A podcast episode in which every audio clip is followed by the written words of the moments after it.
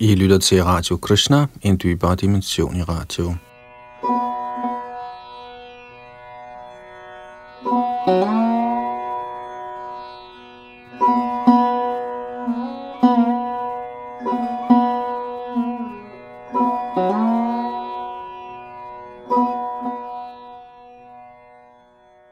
Vi skal nu fortsætte i den nye danske oversættelse af Bhagavad Gita, hvor vi sidste gang nåede frem til og med andet kapitels tekst nummer 45. Andet kapitel hedder Sammenfatning af Bhagavad Gita's indhold.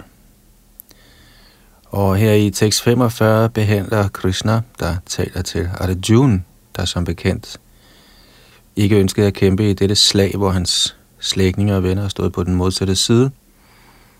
Og her i tekst 45, der taler Krishna om vedernes hovedsagelige beskæftigelse med den materielle naturs kvaliteter. Det er Yadunandandas bag mikrofon og teknik.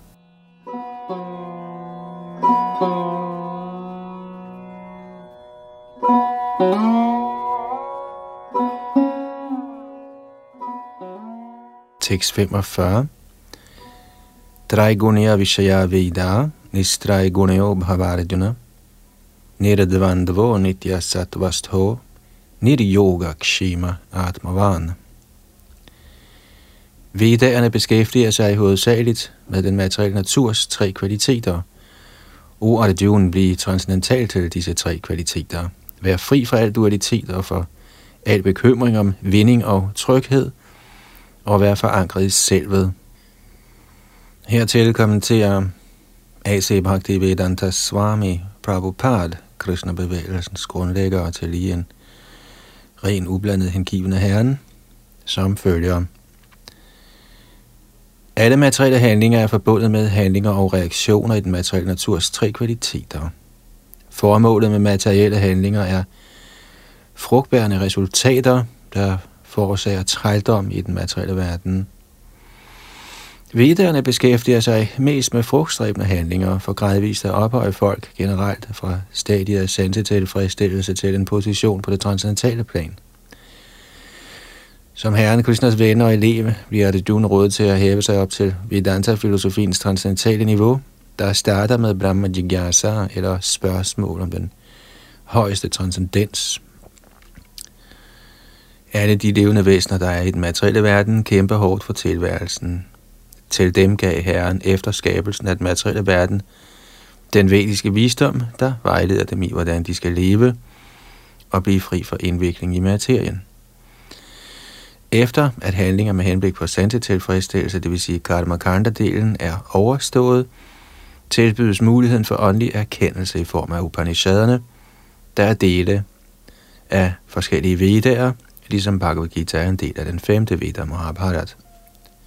Upanishaderne markerer begyndelsen på transcendental liv.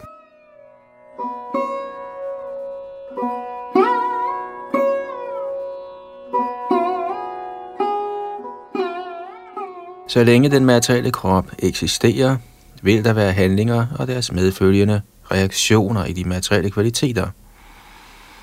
Man må lære at være tålmodig, når man bliver konfronteret med dualiteter, såsom lykke og lidelse, eller kulde og varme.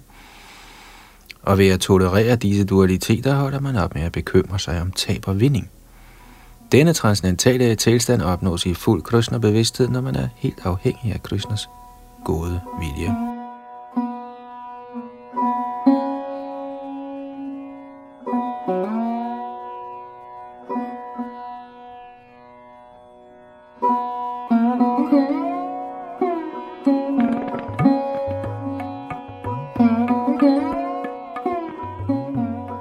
Tekst 46. Yavan artha udapane sarvata samplutodaki. Tavan sarveshu vedeshu brahmanasya vijanataha. Et hvert formål, der kan tændes af en lille brønd, kan med det samme opfyldes af en stor sø. På samme måde kan alle formål i vedderne opfyldes af den, der kender formålet bag dem. Kommentar. Formålet med ritualerne og offrene, der bliver omtalt i Karmakarta-afsnittet i den vediske litteratur, er tilskyndet til en gradvist udvikling af selverkendelse. Og formålet med selverkendelse bliver tydeligt forklaret i Bhagavad Gita's 15. kapitel, tekst 15. Formålet med at studere Vedderne er at forstå Herren, Krishna, den oprindelige årsag til alting. Så selverkendelse betyder at forstå Krishna og ens evige forhold til ham. De levende væseners forhold til Krishna omtales også i kapitel 15, tekst nummer 7. De levende væsener er uadskillige dele af Krishna. Derfor er genoplevelse af Krishna-bevidsthed hos de individuelle levende væsener det højeste fuldkommende stadie inden for vedisk kundskab. Dette bliver bekræftet i Srimad Bhagavatam, bog 3, kapitel 33, tekst 7, som følger. Aho Bhattasapacho sapacho Yajiva Gre vartate namatubhyam te pustapaste Jubu sashnurarya brahmanu churnama grinanti ye te. Citat. O min herre, en person, der reciterer dit hellige navn, befinder sig på det højeste niveau af selverkendelse, selvom han er født i en lav familie, såsom en chandala, hundeæder. En sådan person må have udført alle mulige bodsøvelser og offringer ifølge de vediske ritualer, og studeret den vediske litteratur mange, mange gange, efter at have taget bad på alle de hellige pilgrimssteder. En sådan person anses for at være den bedste i den ariske familie. Citat slut.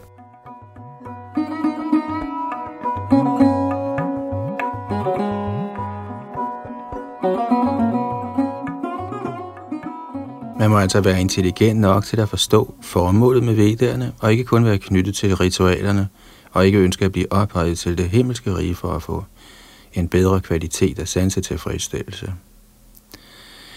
I nuværende tidsalder er det ikke muligt for det almindelige menneske at følge alle de vediske ritualers regler og forskrifter, og det kan heller ikke lade sig gøre at studere hele Vedanta og alle Upanishaderne fuldstændigt. Det kræver meget tid, energi og kundskab og mange ressourcer at opfylde Vedernes formål. Det er så godt som umuligt i denne tidsalder. Det vigtigste formål med den vediske kultur bliver imidlertid opfyldt ved at synge Herren til i navn, som det bliver anbefalet af Herren Chaitanya, alle faldende sjæles frelser. Da Herren Chaitanya blev spurgt af en stor lærd i vedderne på Kashayananda Saraswati, hvorfor han, altså Herren Chaitanya, sang Herrens hellige navn som en anden romantiker i stedet for at studere Vedanta-filosofi, svarede Herren, at hans åndelige mester havde fortalt ham, at han var en stor tåbe, og havde derfor bedt ham om at synge Herren Krishnas hellige navn. Det gjorde han så og blev ekstatisk som en galning. I denne koldistidsalder er det meste af befolkningen tåbelig og ikke tilstrækkeligt uddannet til at forstå Vedanta-filosofi. Det vigtigste formål med Vedanta-filosofien bliver dog opfyldt ved at synge Herrens hellige navn uden forseelser. Vedanta er det endelige ord i vedisk visdom, og Vedanta-filosofiens forfatter og kender er Herren Krishna og den bedste vedantist er den store sjæl, der finder glæde i at synge Herrens hellige navn. Det er det endelige formål med vedisk mystik.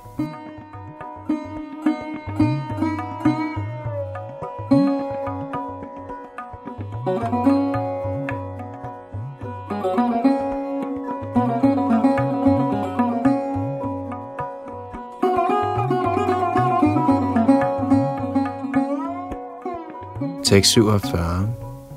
Karmani eva te ma paleshu kadachana ma karma palahi turbhur ma te sango stvakarmani. Du har ret til at udføre dine forskrevne pligter, men du har ingen ret til handlingens frugter. Anse aldrig dig selv som årsagen til resultaterne af dine handlinger, og vær aldrig knyttet til ikke at gøre din pligt. Kommentar der er tre faktorer her. Foreskrevne pligter, impulsive handlinger og uvirksomhed. Foreskrevne pligter er handlinger, som det er pålagt en at gøre i henhold til de af den materielle naturs kvaliteter, man har erhvervet sig. Impulsive handlinger er handlinger, der ikke er godkendt af nogen autoritet, og uvirksomhed vil sige ikke at udføre ens foreskrevne pligter. Herren rådede Arjuna til ikke at være uvirksom, men til at udføre sin foreskrevne pligt uden at være knyttet til resultatet. Den, der er knyttet til resultatet af sit arbejde, er også årsag til handlingen. Således vil han komme til at nyde eller lide under reaktionerne på sådanne handlinger.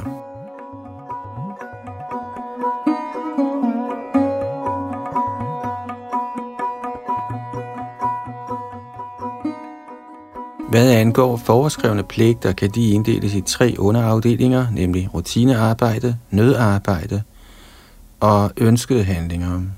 Rutinearbejde, der gøres ud af pligt over for skrifternes pålæg uden ønske om resultater, er handling i godhedens kvalitet. Resultatorienteret handling forårsager binding. Derfor er den slags arbejde ikke godt. Alle har ret til at udføre deres foreskrevne pligter, og ingen kan tage den ret fra dem, men man bør handle uden at være knyttet til resultatet. Sådanne uegennyttige tvungne pligter fører utvivlsomt ind til befrielsens vej. Herren rådede derfor Arjuna til at kæmpe som et spørgsmål om pligt, uden at være knyttet til resultatet. Hans manglende deltagelse i slaget er en anden side af tilknytning. Den slags tilknytning fører aldrig ind til befrielsens vej.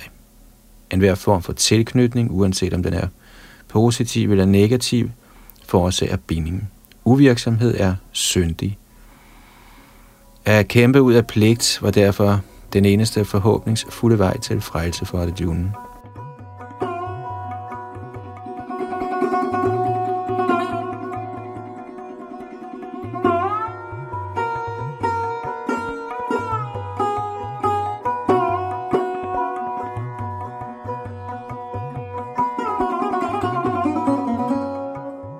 Tekst 48.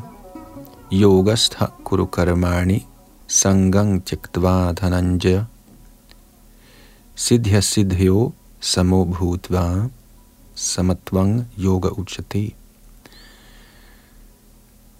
Udfør din pligt med sinds ligevægt, o Arjuna, og opgiv al tilknytning til medgang eller modgang. En sådan ligevægt kaldes yoga. Kommentar. Krishna fortæller Arjuna, at han skal handle i yoga. Og hvad er det for en yoga? Yoga betyder at fokusere sindet på den højeste ved at beherske de evindeligt forstyrrende sanser. Og hvem er den højeste? Den højeste er Herren. Og da han selv maner Arjuna til kamp, har Arjuna intet med slagets udfald at gøre, sejr eller nederlag af Krishnas anlæggende. Arjuna bliver blot rådet til at handle på Krishnas diktat, at følge Krishnas ordre, er virkelig yoga, og dette praktiseres i den proces, der kaldes Krishna-bevidsthed.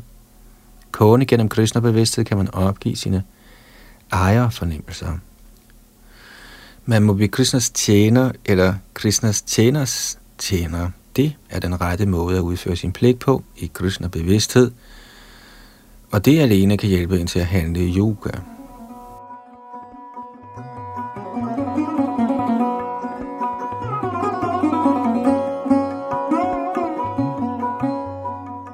Arjun er kshatriya, og som sådan deler Varanashram Dharma-institutionen. Der står i Vajupurana, at hele formålet med Varanashram Dharma er at tilfredsstille Vishnu. Ingen bør tilfredsstille sig selv, sådan som normen er i den materielle verden, men man bør tilfredsstille Krishna. Med mindre man tilfredsstiller Krishna, kan man ikke følge principperne i Varanashram Dharma korrekt. Arjun blev rådet til at gøre, hvad Krishna bad ham om.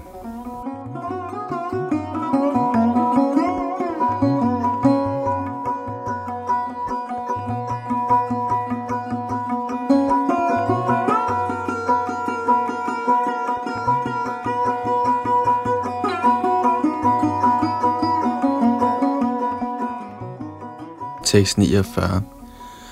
Durena yavarang karma buddhi yogad dhananjaya buddhau sharanaman vichha kripana palahitavaha. Hold alle uheldige handlinger på lang afstand med hengiven tjeneste, O Dhananjay, og overgiv dig i den bevidsthed til Herren. De, der ønsker at nyde frugterne af deres arbejde, er gnier. Kommentar den, der for alvor har forstået sin naturlige position som Herrens evige tjener, giver afkald på alle gøremål, undtagen at arbejde i kristnebevidsthed. Som allerede forklaret betyder Buddhi Yoga transcendental kærlighedsfuld tjeneste til Herren. En sådan hengiven tjeneste er den rette måde at handle på for det levende væsen. Kun gnier ønsker at nyde frugten af deres eget arbejde, for blot at blive yderligere indviklet i materiel trældom. Bortset fra arbejde i Krishna-bevidsthed er alle handlinger stykkelige, for de binder løbende udøveren til kredsløbet af fødsel og død. Man bør derfor aldrig ønske at være årsag til sit arbejde. Man bør gøre alting i Krishna-bevidsthed for at tilfredsstille Krishna. Gnier ved ikke, hvordan de skal anvende den tilgang af rigdom, de erhverver sig gennem held eller hårdt arbejde. Man må bruge alle kræfter på at handle i Krishna-bevidsthed, og det vil gøre ens liv fremgangsrigt. Men ligesom gnier anvender uheldige folk ikke deres menneskelige energi i Herrens tjeneste.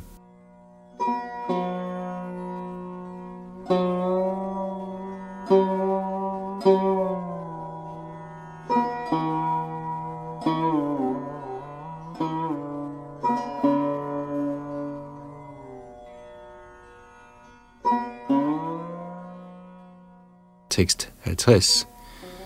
Buddhi yukto jahatiha ubhe sukrita duskrite tasma yogaya yujasva yoga karma sukaushalam.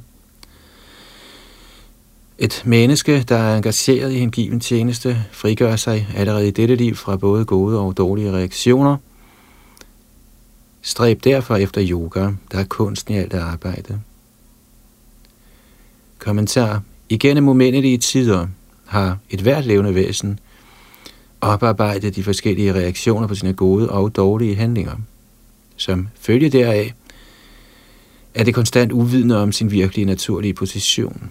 Ens uvidenhed kan blive fjernet gennem Bhagavad Gita's instruktioner, der lærer en at overgive sig til Herren Shri Krishna i alle hensener, og blive befriet fra lænkerne til årsag og virkning. Arjuna bliver derfor råd til at handle i Krishna-bevidsthed, processen, der renser alle handlinger for deres resultater.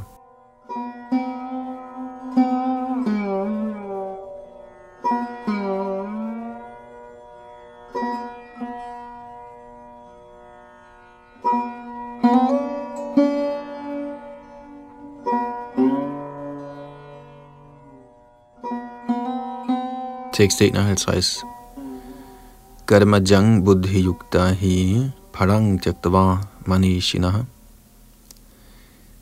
जन्मबन्धविनिर्मुक्ता padang gachanjanamyam. Hvis således at engagere sig i Herrens hengivne tjeneste, befrier store vismænd eller hengivne sig fra resultaterne af deres arbejde i den materielle verden. På denne måde hæver de sig over kredsløbet af fødsel og død og opnår stadiet hinsides alle lidelser, ved at vende hjem til guddommen. Kommentar De befriede levende væsener hører hjemme på det sted, hvor der ikke findes materielle lidelser. I Bhagavatam 1.14.58 står der, Samashrita ye padaparava pravang mahat padang punya yasho murarehi bhavam buddhirvat sapadang parang padang padang padang yatvipadang natesham. Citat.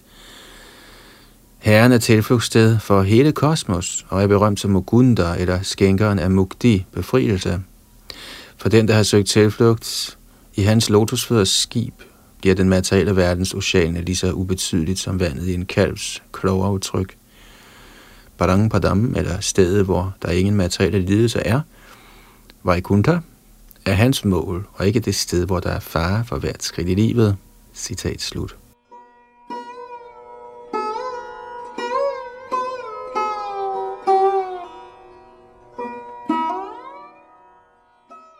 Som følge af uvidenhed er man ikke klar over, at den materielle verden er et lidelsesfyldt sted, hvor fare lurer ved hvert skridt, man tager.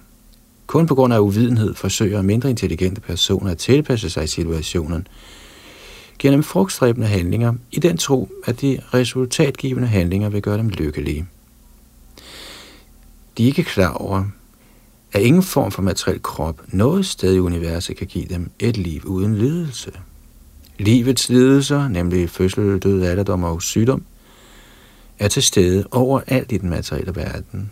Men den, der forstår sin virkelige naturlige position som Herrens evige tjener, og som følger de forstår Guddoms persons position, engagerer sig i Herrens transcendentale kærlighedstjeneste.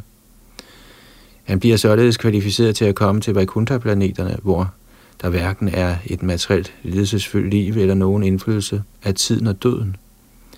At kende sin naturlige position indebærer, at man også kender Herrens ophøjede position.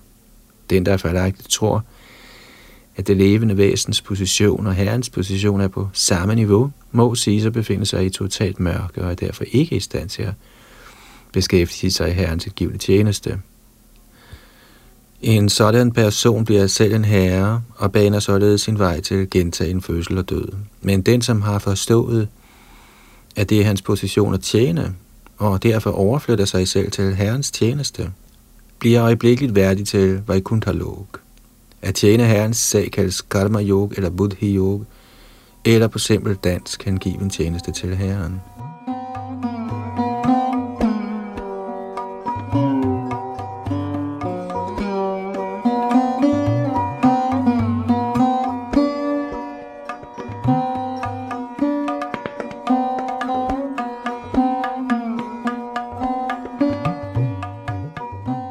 Tekst 52.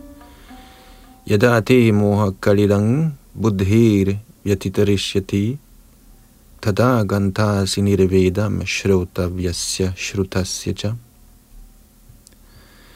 Når din intelligens er kommet ud af illusionens tætte skov, vil du blive ligeglad med alt, du har hørt, og alt, du kommer til at høre. Kommentar.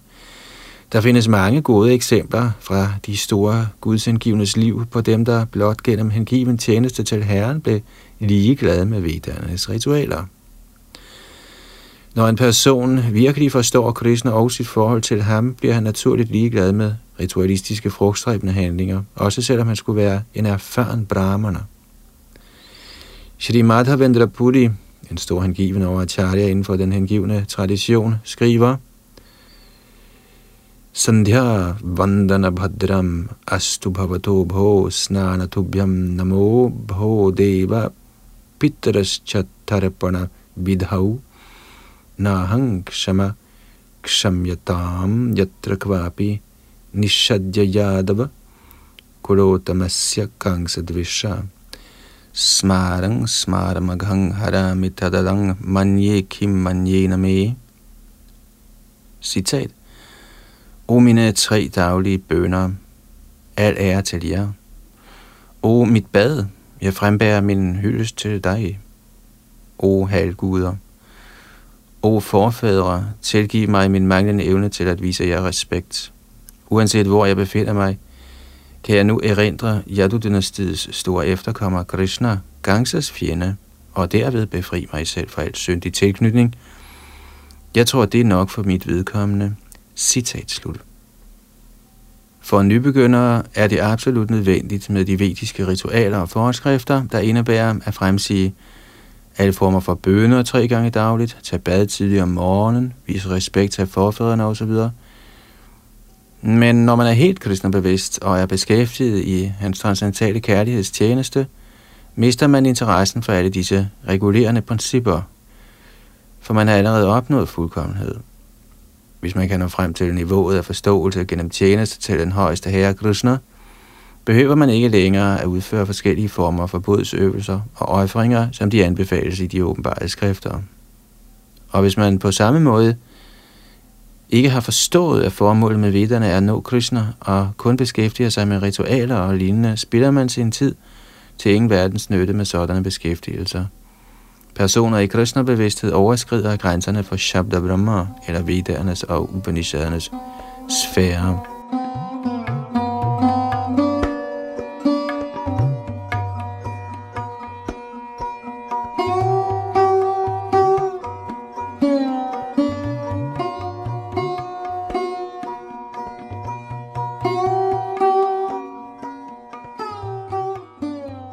Tekst 53 Shruti vipratipanna yada sthasyati nishchara samadhav achala buddhis tada yogam avapsyasi.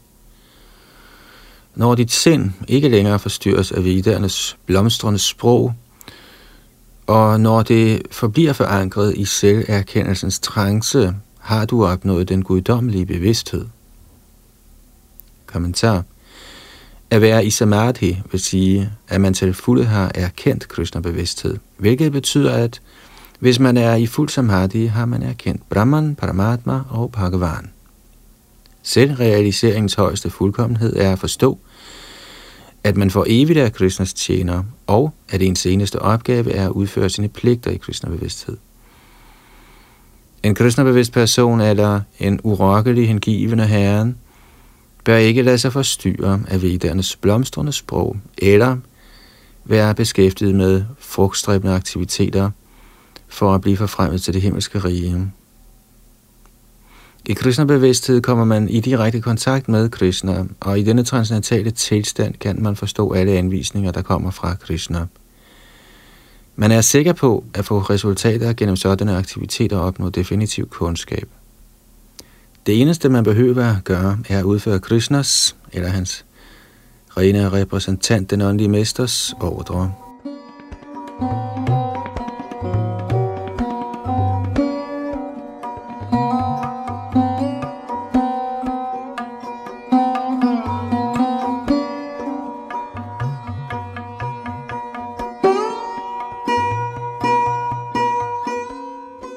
Tekst 54 Arjuna Uvacha Stita Pragyasya Kabhasa Samadhi sthasya Keshava Stitadhi King Prabhashita Kimasita Vrajeta Kim Arjun spurgte, O Krishna, hvad er symptomerne på den, hvis bevidsthed således er blevet forenet med transcendensen?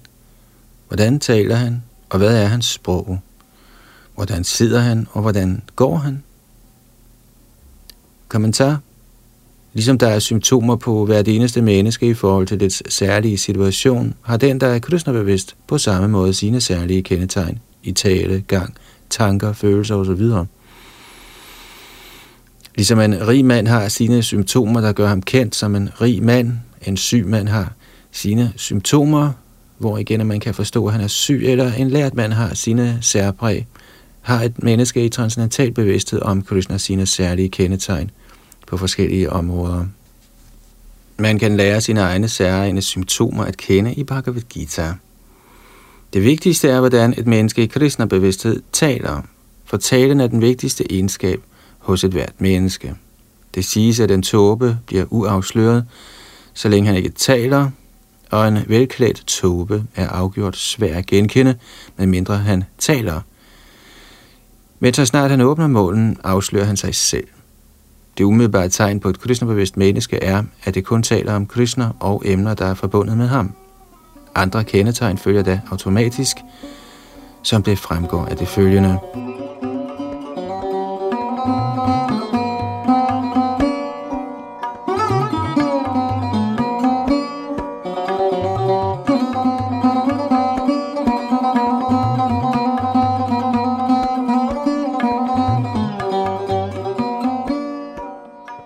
Tekst 55. Shri Bhagavan Uvacha Prajahati yada kaman sarvan partha manogatan atmanyevatmana tushta sthita prajnas tadochate.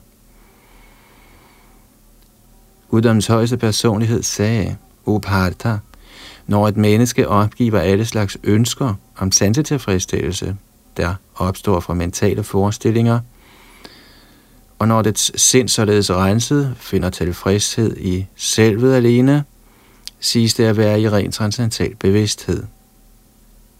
Kommentar Bhagavatam bekræfter, at enhver person, der er helt i kristne bevidsthed eller Herrens angivende tjeneste, har alle de store vismænds gode egenskaber, mens en person, der ikke er således transcendentalt situeret, ingen gode egenskaber har – for han vil uværligt søge tilflugt i sine egne mentale forestillinger. Følgelig konstateres det meget korrekt her, at man er nødt til at opgive alle slags sansebegær, som opstår i ens mentale forestillinger. Sådanne sansebegær kan ikke stoppes kunstigt.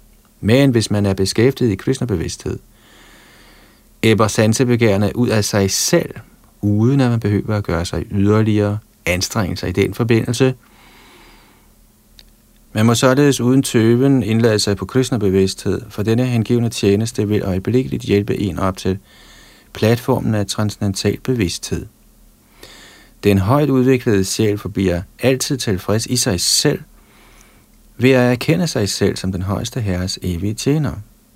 Sådan en transcendentalt situeret person har ingen sansebegær, der stammer fra en genieragtig materialisme. Tværtimod er han altid lykkelig i sin naturlige position som den højeste herres evige tjener.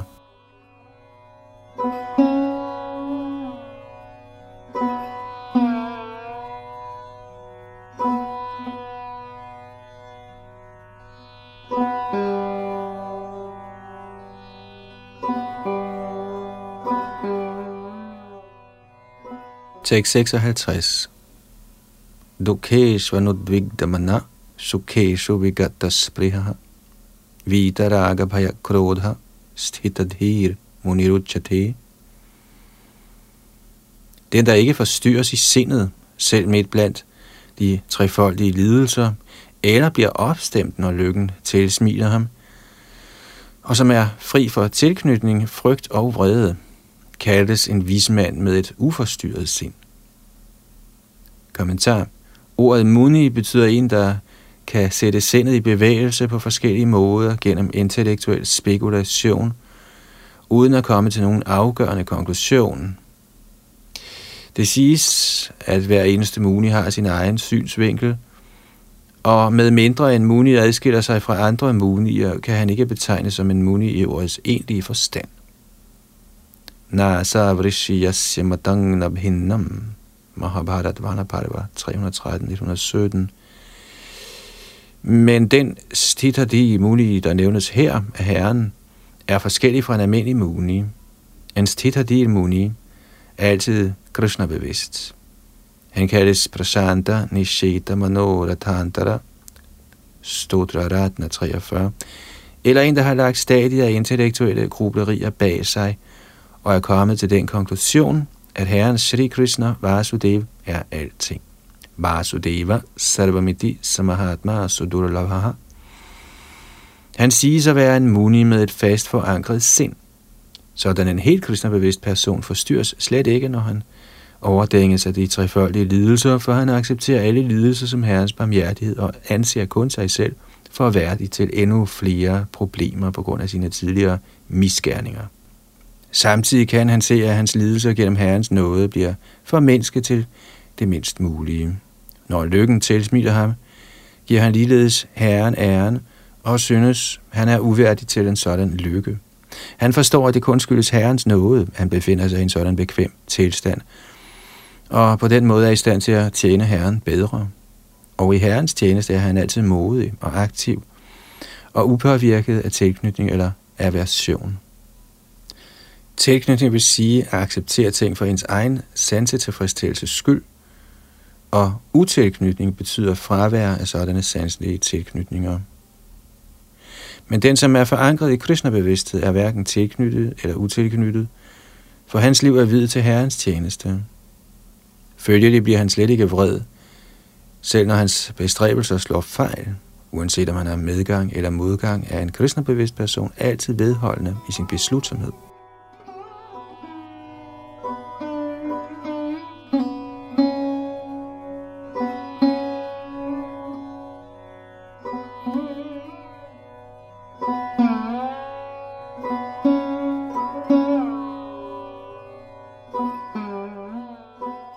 Tekst 57.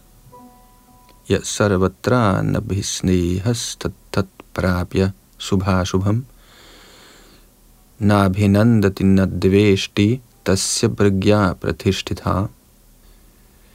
Den, der i den materielle verden ikke lader sig påvirke af uanset hvad godt eller ondt han måtte opnå, og hverken priser eller foragter det, er fast forankret i fuldkommen viden. Kommentar. I den materielle verden er der altid en eller anden form for postyr, hvad end det er godt eller dårligt. Den, der ikke ophises af sådanne materielle omvæltninger, og som ikke bliver påvirket af godt og slet, må anses for at være forankret i Krishna bevidsthed. Så længe man er i den materielle verden, er der altid mulighed for godt og dårligt, for denne verden er fuld af dualitet. Men den, som er forankret i Krishna bevidsthed, lader sig ikke påvirke af godt og dårligt, for han interesserer sig kun for Krishna, der er absolut alt god. En sådan bevidsthed om Krishna placerer en i en perfekt transcendental tilstand, der formelt kaldes samadhi.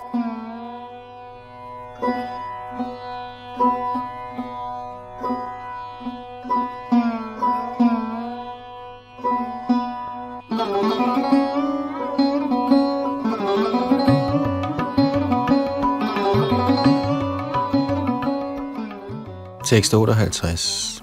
Yada harate chayang gurmong gani vasarvashaha indriyani indriyarthebhyas tasya pragya pratishtitha.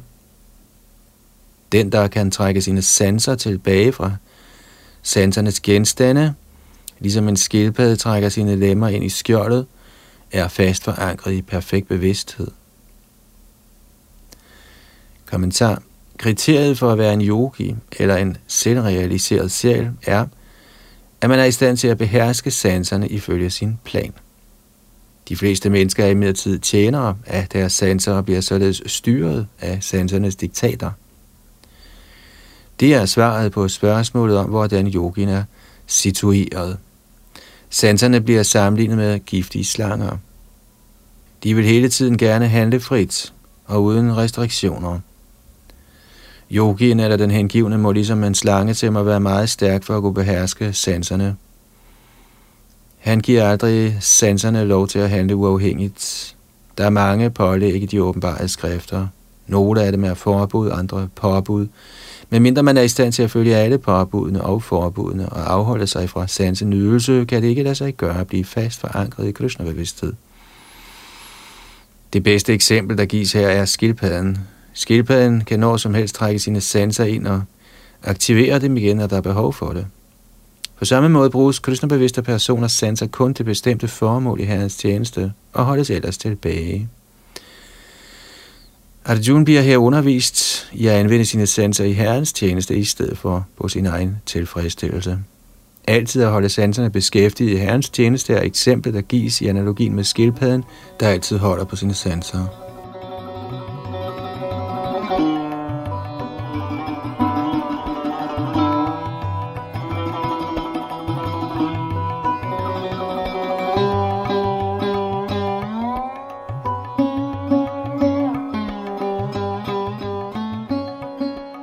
Tekst 59. Vishaya vinivartante niraharasya dehina rasavarjang rasopyasya parang drashtava nivartati. Den læmeliggjorte sjæl kan holdes fra sansenydelse, selvom smagen for sanseobjekter fortsat består. Men afholder man sig fra sådan beskæftigelse ved at opleve en højere smag, befæstes man i sin bevidsthed.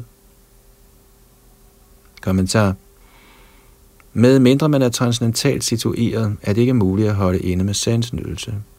At holde sanserne fra nydelse gennem regler og forskrifter er noget i retning af at indskrænke et sygt menneske fra bestemte former for mad.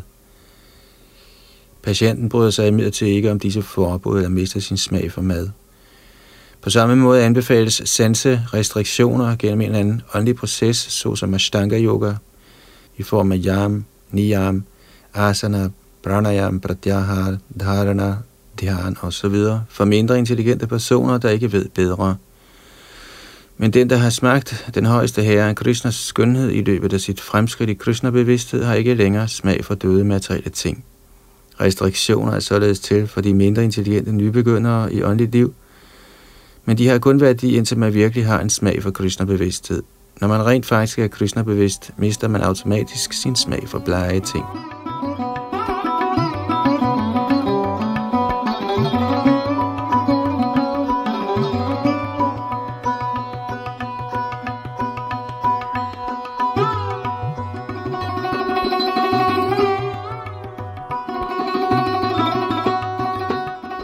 Tekst 60. Yatato hyapikaunteya purusasya vipashtita indriyani pramathini haranti prasabhangmanaha. Sanserne er så stærke og voldsomme, ordet det at de med magt fører sindet bort, selv hos et forstandigt menneske, der forsøger at beherske dem. Kommentar. Der er mange lærte vismænd, filosofer og transcendentalister, der forsøger at overvinde sanserne, men på trods af alle deres anstrengelser, bliver selv de største blandt dem sommetider ofre for materiel sansenydelse på grund af et ophidset sind.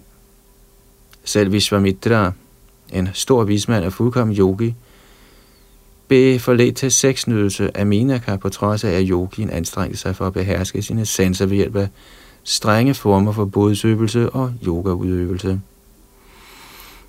Og der er selvfølgelig så mange lignende tilfælde i verdenshistorien. At beherske sindet og sanserne er derfor meget svært uden at være helt Krishna bevidst. Uden at engagere sindet i Krishna kan man ikke ophøre med sådanne materielle engagementer. Et praktisk eksempel på dette har vi fra Sri Yamuna Acharya, en stor helgen og hengiven, der skriver yadavadhina namacheta Krishna padara vinde navanava rasadhamyan yudyatam rantumasit tadavadhi bhattanare sangame saryamani bhavati mukha vikara sushthu nishthi vanangcha. Citat. Efter at mit sind er blevet beskæftiget i tjeneste til Herren Krishnas lotusfødder, og jeg har nyt en evig frisk transcendental sinds tilstand, vender mit ansigt sig med det samme bort, så snart jeg tænker på sex med en kvinde, og jeg spytter ved tanken. Citat slut.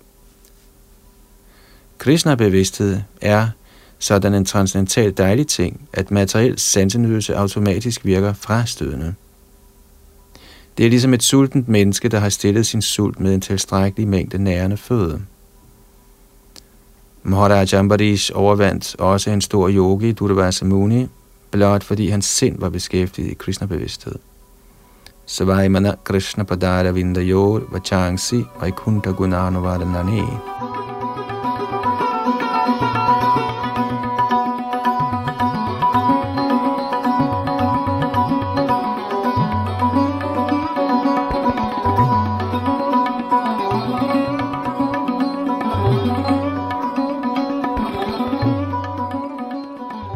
Tekst 61.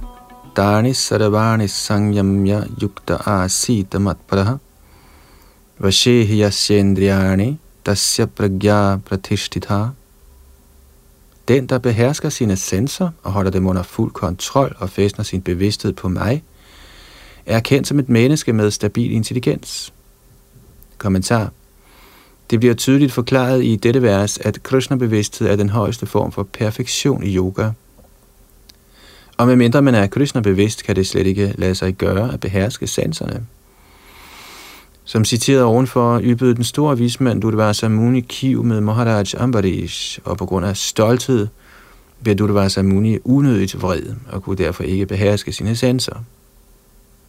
Kongen, der ikke var så mægtig en yogi som vismanden, men derimod var herrens angivende, fandt sig på den anden side stilfærdigt i alle vismandens uretfærdigheder og gik derved af med sejren. Kongen var i stand til at beherske sine sanser på grund af følgende egenskaber, som det bliver omtalt i Srimad Bhagavatam 9.4.18-20.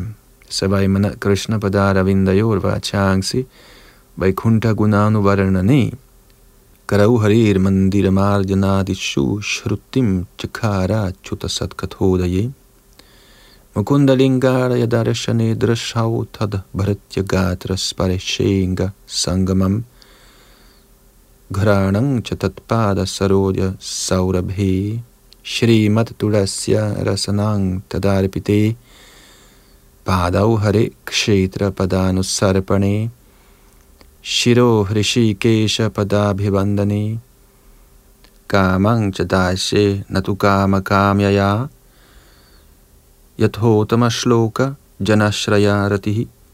Citat. Kong Ambarish fastnede sit sind på Herren Krishnas lotusfødder, brugte sine ord til at beskrive Herrens bolig, sine hænder til at rengøre Herrens tempel, sine ører til at høre om Herrens lege, sine øjne til at se Herrens form, sin krop til at røre ved Herrens hengivne, sin næse til at dufte til blomster, der var blevet tilbudt Herrens lotusfødder, sin tunge til at smage de tulsiblade, der var blevet ham tilbudt, sine ben til at rejse til de hellige steder, hvor Herrens tempel ligger, sit hoved til at bøje sig dybt for Herren, og sine ønsker til at opfylde Herrens ønsker, og alle disse egenskaber gjorde ham egnet til at blive Herrens matbala hengivne. Citat slut.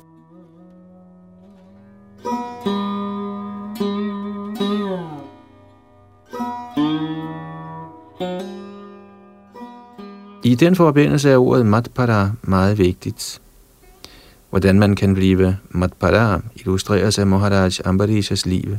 Shri Balde Vidyabhushan, en stor lært og acharya i matpara-linjen, bemærker, Madbhakti prabhavena sarvendriya vijaya purvika svatmadrishti sulabheti bhava. Citat. Sanserne kan kun beherskes fuldstændigt gennem hengiven tjeneste til Krishna. Citat slut. Eksemplet med ild gives også sommetider. Citat. Som en flammende ild brænder alting op i et rum. Brænder Vishnu, der befinder sig i yogiens hjerte, alle slags urenheder op. Citat slut. Yoga Sutraen ordinerer også meditation på Vishnu, og ikke meditation på tomhed. De såkaldte yogier, der mediterer på noget andet end Vishnus form, spilder blot deres tid i en forgave søgen efter et eller andet blindværk. Vi må være kristnebevidste, det vil sige guddommens personhengivende. Det er målet med virkelig yoga.